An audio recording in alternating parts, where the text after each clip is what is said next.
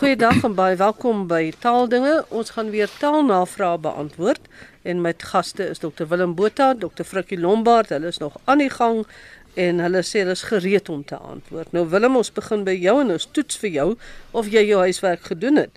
Philip Spies van die Parel vra waar die Allah van Allah wêreld en ander uitroepe met Allah vandaan kom. Miskien Allah mapsticks ook dink ek nou vinnig aan. Ja, môre Philip. Allah is natuurlik 'n tussenwerpsel of 'n uitroep waarmee jy verbasing of misnoë uitdruk en uh, dit kom heel waarskynlik uit Kaapse Maleis Allah wat Arabies is vir opperwese of God en volgens Shangyo het dit al in 1844 in Afrikaans voorgekom en dan in 'n navolging van die Maleiers is dit gedurig as 'n uitroep eintlik misbruik. En dit kom veral voor as eerste lid van samestellings waar jy naas Allah ook alle kry en dan dikwels verbind dit met woorde soos maskas, Allah maskas, Allah mensig, Allah wêreld, Allah giftig, Allah kragtig, Allah magtig, Allah mintig. En dis eintlik iets wat ons gebruik amper in die plek van 'n kragwoord. Hy so half 'n eufemistiese vorm, maar ek dink niemand wat dit gebruik weet dat daai Allah eintlik na Allah verwys nie. So dit is 'n uh, eintlik 'n eufemistiese vorm sonder dat die gebruikers van die woord daarvan bewus is. Jy het ook 'n soortgelyke woord nou een oggend gebruik by jou woord van die week op monitor wat so 'n voegsel het wat mense vroeër gesê het is 'n vloekwoord, maar wat eintlik nie is nie wat uit Maleisies kom. Ek is nou nie seker waarna hy verwys nie, maar 'n ander 'n woord wat ons in Afrikaans gebruik, my foodie. Dis hy ja, dis. Is eintlik ook 'n baie lelike woord. Hmm.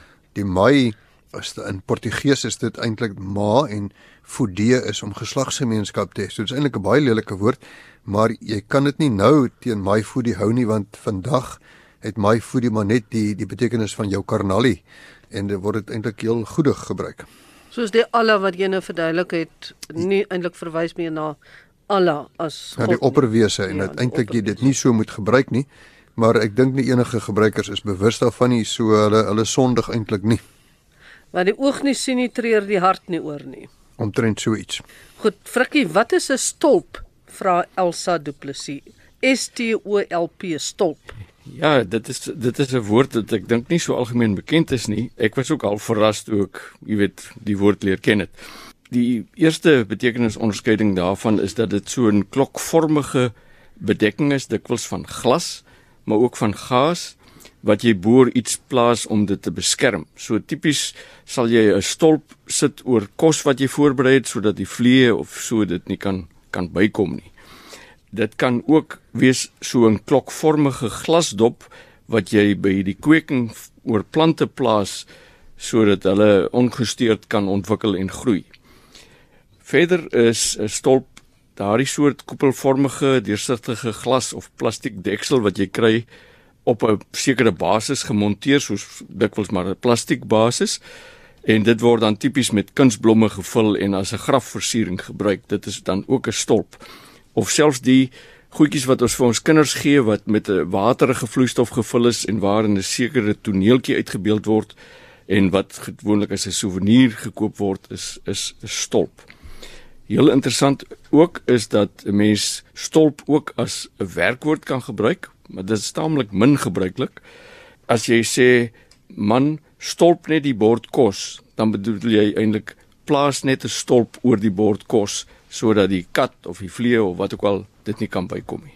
Willem, hier's 'n ander Willem, dis nou Willem Fourie wat vra na aanleiding van sy kleinseun se gebruik van jong leer dat ons 'n bietjie gesels oor die woord, jong leer.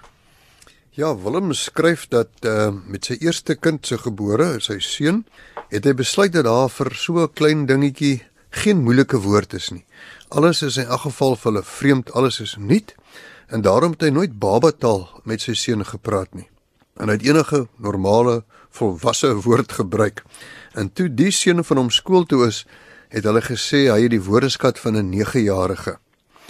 En daarom is hy so bly dat sy kleinseun, Marcus, wat nou in graad 1 is daar in 'n laerskool Fairlands, dat hy toe in 'n boekie wat die kinders moet gebruik sien dat hulle die woord jong leer moet soek op 'n prentjie. En dit het hom laat dink aan sy eie beleid vir sy kinders. Nou as 'n kind in graad 1 van 'n jong leer weet, gaan hy sommer 'n allemintige woordeskat opbou in sy lewe. En jong leer is 'n baie interessante woord. Aanvanklik het dit verwys uh, in middeleeuse Frankryk en Engeland na 'n rondreisende musikant wat deur die beoefening van sy kuns, naamlik voordra met of sonder musiekbegeleiding van liedere, dialoë, dramatiese gedigte, die uitvoer van pantomimes en allerlei kunsies en selfs die vertoon van die poppekas 'n bestaan gemaak het. Maar vandag is 'n jong leer wat jy in Engels noem 'n juggler en dis iemand wat toertjies doen met balle, borde en messe wat hy in die lug opgooi en in die lug hou of hy vang dit. En uh, die woord jong leer kom uit die Latyn joculator was 'n grapmaker, want jocus is 'n grap, dis waar die Engelse joke ook vandaan kom. En om 'n grap te maak, die werkwoord is joculare. So 'n heel interessante woord wat die kinders nou al in graad 1 uh, eh, leer en dit gee mens nogal moed. Ja, en RSG se drama uitvoerende regisseur Kobus Burger is 'n jong leer. Ah. Ek dink hy sê hy's 'n jonge heer. Nee, hy's 'n jong leer. Hy's 'n jong heer, maar hy's 'n jong leer en hy uh, kan al hierdie goed doen wat jy nou beskryf het, plus hy is nog 'n towenaar ook. Hy doen kulkunsies. Man van vele talente. Frikkie praat 'n bietjie met ons oor die woord jingo en dit is Marius Rademeier wat so vra. Ja, nou die historiese konteks uh vir jingo is dit kom eintlik van 'n uitroep af. By jingo. Daar was 'n uh, eh, Lord Beaconsfield wat in 1878 'n Britse vloot na Turkse waters gestuur het om die opmars van Rusland na die Turkse grens te stuit en hierdie volgelinge van hom het gesê we don't want to fight yet by jingo if we do we've got the ships we've got the men and we've got the money too. En die mense is dan ook jingos genoem later omdat hulle hierdie uitroep gebruik het. Dit is die historiese konteks. Daarna het dit natuurlik ook by uitbreiding iets anders beteken begin beteken, naamlik 'n dweepsieke chauvinis, Engelssprekende chauvinis of 'n sterk Engelsgesinde Suid-Afrikaner is almal jingos genoem. Maar die heel interessante betekenis wat miskien nie so algemeen bekend is nie, is dat 'n mens enige mens wat aggressief, lawaaierig en vurig patrioties is, 'n jingo kan noem.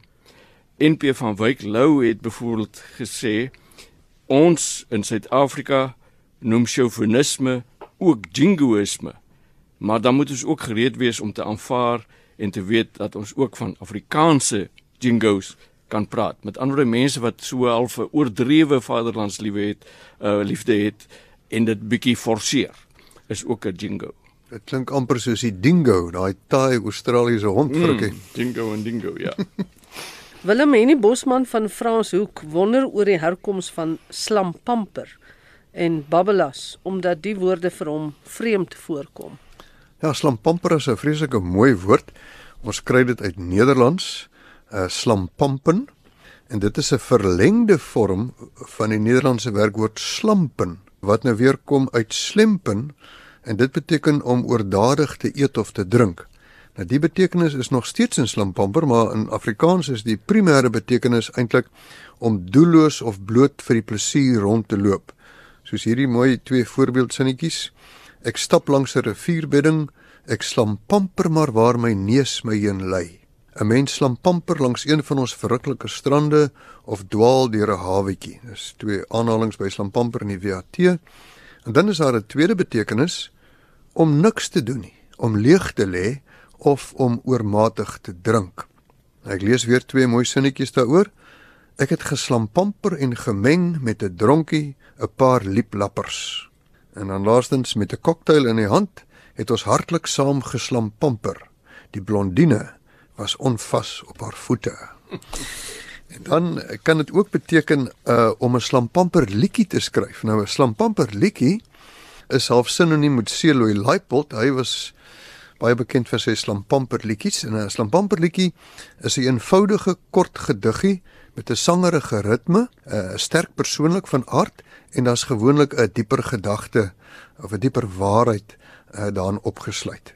Hier is toevallig 'n mooi aanhaling waarin verwys word na Leipold. 'n Ander voorbeeld van algemeen menslike siening is die Slampamper liedjie op my ou Ramkiki waarin Laipot sy eie gevoel van verlatenheid objektiveer. Ons onthou seker daai op my ou Ramkiki met nog net een snaar speel ek in die maanlig deurmekaar. En dan eh, dis dan die storie van Slampamper en dan Babbelas. Nou Babbelas is ook baie interessant. As jy Babbelas is, beteken dit jy is ongesteld na 'n drinkery, dis die gevolge van 'n oormatige gedrink. En die woord het ons eintlik herontleen aan Zulu ibabalatsi. Nou die storie het so gewerk, Afrikaans het bibberasie gehad. En bibberasie is wat is een van die simptome van 'n oormatige gedrinker en dan gaan jy aan die bewe, dis 'n bibberasie. Toe dink die Zulus dis 'n oulike woord en hulle omvorm hom tot ibabalatsi. Maar toe dink Afrikaans maar maggies man, hierdie is 'n oulike woord. Hierdie ibabalatsi kom ons ons nie geweet ons ons herontleen hom, ons gedink ons leen hom, maar eintlik het ons hom herontleen ons hom teruggeëis en toe omvorm ons ibabalatsi tot babbelas. En dit is die verhaal agter babbelas. Hmm. Baie interessant en ek het nog 'n lys gekry van ander name wat mense ingestuur het na aanleiding van 'n vorige program waar ek gevra het mense moet 'n paar sinonieme instuur vir wanneer jy nou onder die prop is of twee rye hmm, spore loop en met 'n ja, en met 'n volgende keer dan sal ek ja. nou daardie name gee. Daar is geweldig baie. Nou kan ons eintlik slampamper ook byvoeg. Frikkie Pieter Bosman versoek dat ons die herkoms van die woord leidraad bespreek. Ja, Pieter sê dit uh, die leidraad het dalk te doen met die legende van die Kretaanse uh, labirint op die eiland Kreta uh, waar Theseus 'n draad gebruik het van 'n spinnerak om sy pad uit die doolhof te kry. Nou dit is interessant dat nie een van die Nederlandse bronne wat ons by ons het gee eintlik die etimologie van leidraad nie. Die WNT Woordeboek van die Nederlandse taal sê maar net dit is dit is eintlik 'n gespande draad wat jou lei na iets toe om jou weg te vind, sê maar uit iets en dan word dit ook figuurlik gebruik om jou te lei om 'n bepaalde doel te bereik. Met ander woorde dis word dikwels oordragtelik gebruik en figuurlik. Nou die WNT noem dan ook hierdie uh, mite eintlik van koning Minos van Kreta wie se vrou geboorte geskenk het aan 'n stuurmens of 'n sogenaamde Minotaurus. En hy was eintlik bietjie skaam maar hy wou nie hierdie mens dier doodmaak nie en het toe 'n labirint gebou waarin die gebly het en toe het hy gedink dis ook 'n gawe gedagte om sy teenstanders, sy vyande ook maar in hierdie labirint los te laat. Uh, hulle kon nooit ontsnap of daar uitkom nie en die Minotaurus het dan die mense verslind. Uh, en Theseus, die seun van kon die koning van Athene het beplan om die ding tog stop te sit en die Minotaurus dood te maak. Uh maar hy het eers verlief geraak op hierdie koning Minos se dogter Ariadne en sy het vir hom toe sy nou van sy planne hoor 'n garingdraad gegee sodat hy sy weg uit die labirint kon kry en hy het toe daarin geslaag om die Minotaurus dood te maak en inderdaad ook te ontsnap aan die labirint. En dit is nou leidraad min of meer in, in mekaar steek, maar ons weet nie of dit werklik ontleen word aan die mitologiese verhaal nie. Goed Willem, uh, baie mense gaan nou vir 'n jammerlappie vra vanmiddag, die wat braai vleis gaan eet hier op hierdie Sondag. Sarah Fouchee se dogter in Ierland wil weet waar die woord jammerlappie vandaan kom.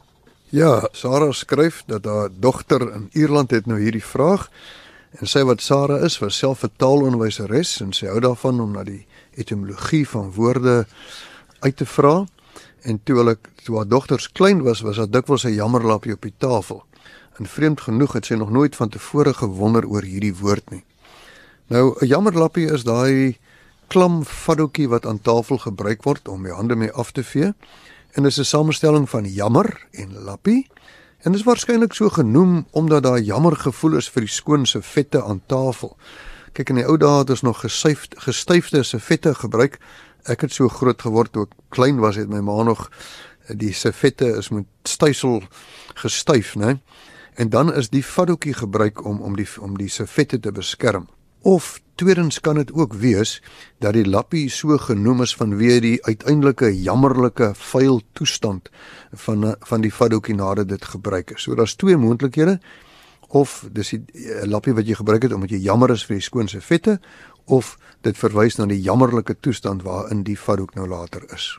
Nou die volgende vraag um, gaan aan Frikkie En as 'n mens nou praat van die Wellingtoners wat in Wellington bly en die Lichtenburgers wat in Lichtenburg bly en die Keimoeste in Keimoes en die Kakemas Makite in Kakemas.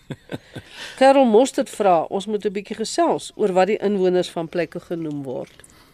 Ja, dit is 'n baie interessante vraag want uh, dit kom 'n lang pad as ek nou mag so uh, sê uh waar Johan Kombrink al begin vra het vir mense van oor die land om te laat weet wat noem hulle hulle self dorpenaars of stedelinge wat in sekere plekke bly. Wat sê jy byvoorbeeld nou is dit 'n kaka miet soos die kaka massers wat my betref sê ek kaka masser maklik maar hulle sê hulle is kaka miete. Hoekom is dit so?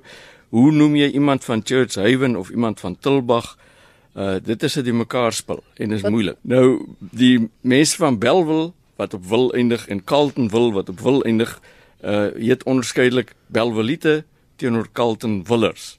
Met ander woorde, wat is daar enige patroon by hierdie goed? Nou ek kan maar net uh afleidings maak van die plekname. Uh, die afleidings daarvan is soms redelik uh onvoorspelbaar. Maar as jy nou die persoonsname aflei van dorps of stadname, dan word dit dikwels bepaal deur die laaste lid of die laaste uitgang. Soos as jou as jy woord uitgaan op fontein, soos Bloemfontein of Randfontein, dan word dit 'n fonteiner, Bloemfonteiner, Randfonteiner. Burg word burger, soos jy nou ook net ou gesê het, Johannesburger, Rustenburger. Wes word of Wesser of of Wester, byvoorbeeld 'n Suidwester vir Namibiese mense.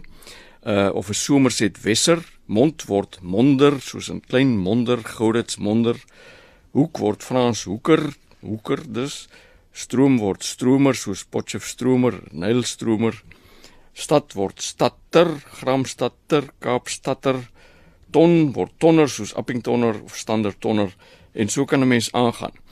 Wat baie interessant is hier is wat gebeur het met Stellenbosch en Rondebos Nou stel die uit, die uitspraak is Stellenbosch, maar ons spel dit met 'n B O S C H. En Rondebos is dieselfde, dit word met 'n B O S C H aan die einde gespel, maar ons sê Stellenbosch en nie Stellenbosch nie. En wat hier gebeur het is die naam van die inwoner is dis nie bepaal deur die grondwoord se spelling nie, maar wel deur die uitspraak as dit ware daarvan. Daarom sit ons met Stellenbosser en Rondebosser maar dit is maar 'n uh, uh, soos Johan Kombrink gesê het 'n kluif hierdie goed want ons ons weet nie wat sommige dorpe hulle mense noem nie en of daar enige uh, naam is wat daarvoor bestaan nie. Party keer sê die mense maar net ek is van Tulbag. Ja, ek dink een metode miskien as ou nou daar sit in die taalkommissie, daai wonderlike werk wat julle doen, uh mense dan seker eers by die mense self gaan hoor hoe hulle hulle self noem en dis seker hoe ons uitgekom het by Kakamiete want geen mens wat sit in 'n kommissie kan by so iets uitkom nie. So waarskynlik is is dit wat die mense hulle self genoem het en moet ou dit ook seker maar eers navors altyd. Ja, dit is so, jy weet en en uh, jy kan gaan vra vir pofadder en sê baie van die mense vir jou hulle noem hulle self pofadders. Jy weet, so dit is interessant maar jy kan dit nie voorspel nie. Of die poffers of die poffers. ja.